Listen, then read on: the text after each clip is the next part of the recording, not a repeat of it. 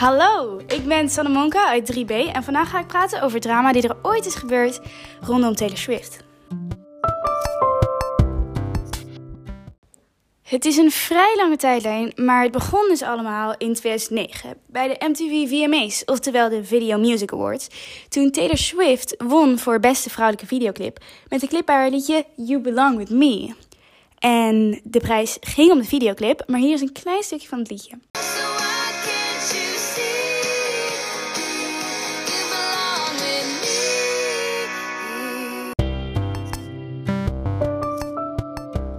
Oké, dat was You Belong With Me van Taylor Swift uit 2009. Ehm, het liedje is heel bekend. Ik denk vooral door het um, iconische begin. Waarbij ze met haar buurjongen in, via het raam een soort gesprek probeert te houden. En dan met papieren. En daar schrijft ze dan dingen op. Maar volgens mij gaat dat niet helemaal volgens plan. Um, maar ja, dus terug naar het verhaal.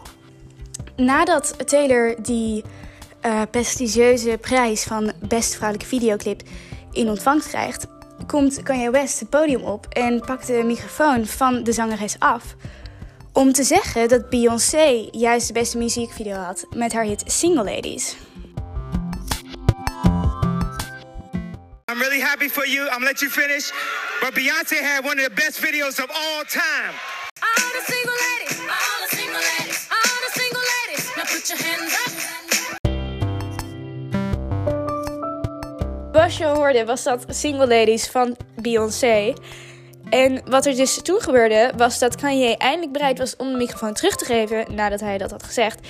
Um, maar toen had Taylor geen tijd meer om um, haar eigen speech te kunnen houden.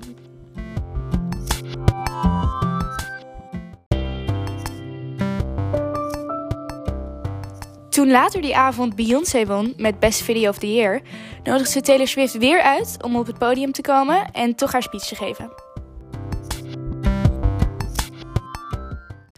Dus nog even voor duidelijkheid: Taylor Swift won de beste vrouwelijke videoclip. En Beyoncé won de beste videoclip van het hele jaar. Dus het sloeg helemaal nergens op wat Kanye deed. Want uiteindelijk heeft Beyoncé toen de grootste prijs gewonnen. Veel andere beroemdheden reageerden op het microfoon pakken van Kanye, zoals Katy Perry, die op Twitter zei: F you, Kanye, it's like you stepped on a kitten. En zelfs Obama noemde West a jackass. Kanye bood als eerste zijn excuses aan een dag later bij de Tonight Show. Daar zei hij dat hij direct spijt had naar de situatie. Dan gaan we verder naar twee dagen later, waar ze het weer hebben goedgemaakt. Doordat Kanye Taylor belde om oprecht zijn excuses aan te bieden en ze accepteerde het. Maar een paar dagen voor de VMA's van het volgende jaar, oftewel van 2016, is Kanye West volkomen losgegaan op Twitter met meer dan 30 tweets met, direct, met één direct naar Taylor Swift bedoeld. En by Yet Another Apology gaf hij ook aan dat hij een lied over Taylor Swift heeft geschreven.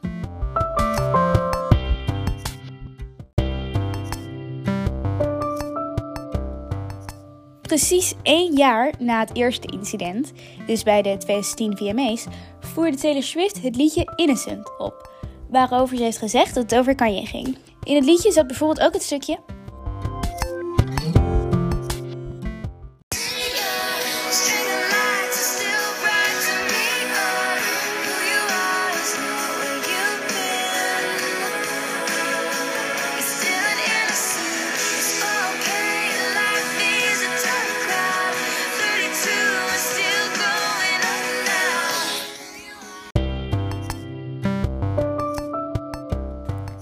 Als je goed hebt geluisterd, hoor je de tekst: Who you are is not where you've been. En you're still innocent. Het was hierbij vrij duidelijk dat dit lied over de drama ging. En omdat voordat ze op stage kwam, clips liet zien van de gebeurtenis in 2009.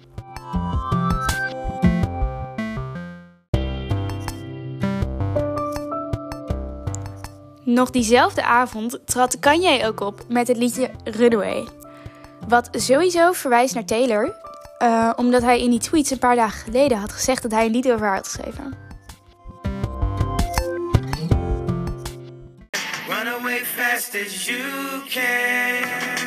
Find pictures in my email. I sent this girl a picture of my hey.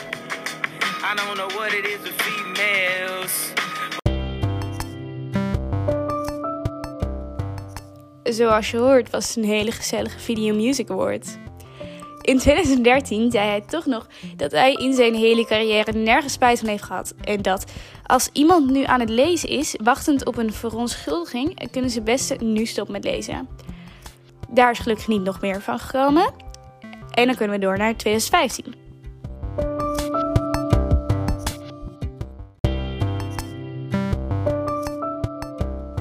In 2015 bleek het dat het helemaal weer goed was gekomen en wilden ze gelukkig samen op de foto en hebben ze ook een fijn gesprek gevoerd, zeggen de journalisten.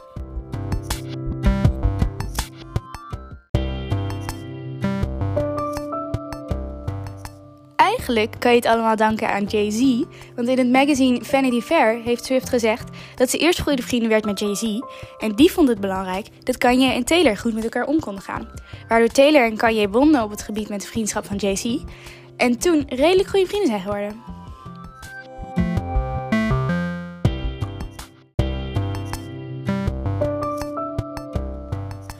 Maar op een of andere manier is het toch weer fout gegaan toen in 2016 Kanye West Famous uitbracht. En daar zat dit in.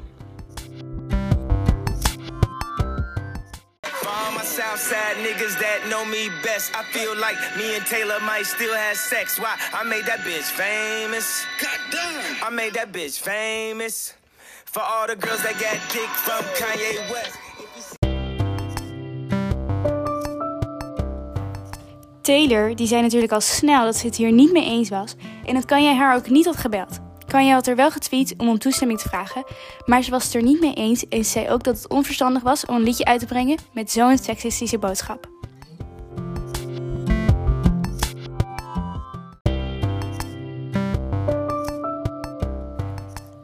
Taylor Swift maakte in de 2016 Grammy Awards nog duidelijk een aanwijzing naar wat Kanye heeft gezegd. Ze zegt namelijk: There are going to be people along the way who will try to undercut your success or take credit for your accomplishments or your fame. Wat duidelijk naar de lyrics is van Kanye.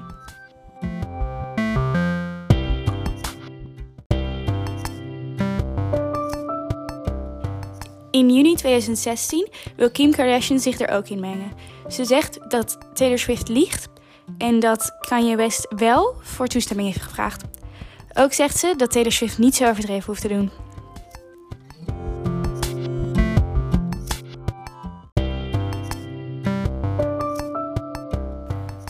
En om het naar mijn mening nog erger te maken, komt Kanye met een videoclip van Famous, waarin hij in een groot bed ligt met een naakte Taylor Swift naast hem in het eindshot. Op de video zit nu ook een leeftijdsrestrictie om die reden.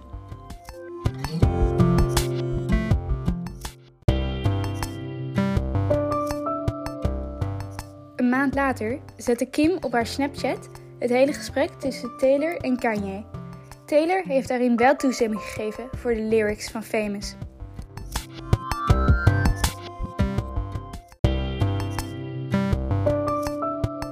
Taylor reageert hierop door te zeggen dat ze nooit toestemming heeft gegeven om haar een bitch te noemen.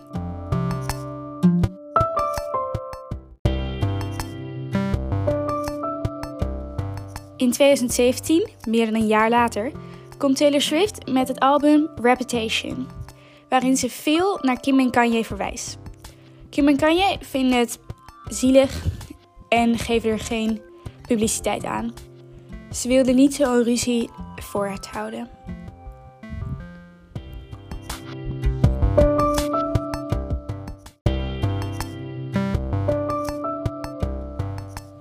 Het liedje This is Why We Can't Have Nice Things zegt het meeste naar het koppel.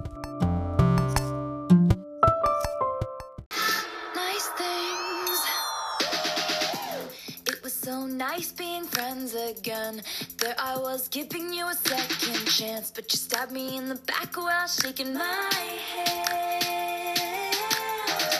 And therein lies the issue. Friends don't try to trick you, get you on the phone and mind twist you. Uiteindelijk wordt alles vergeten en goed gemaakt.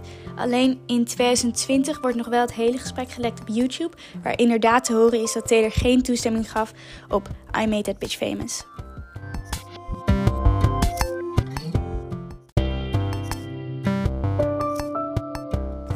Kim en Taylor reageren allebei later nog op de feud, maar het coronavirus was bezig en ze hebben allebei gezegd dat er belangrijkere zaken dan dit waren tijdens deze tijd.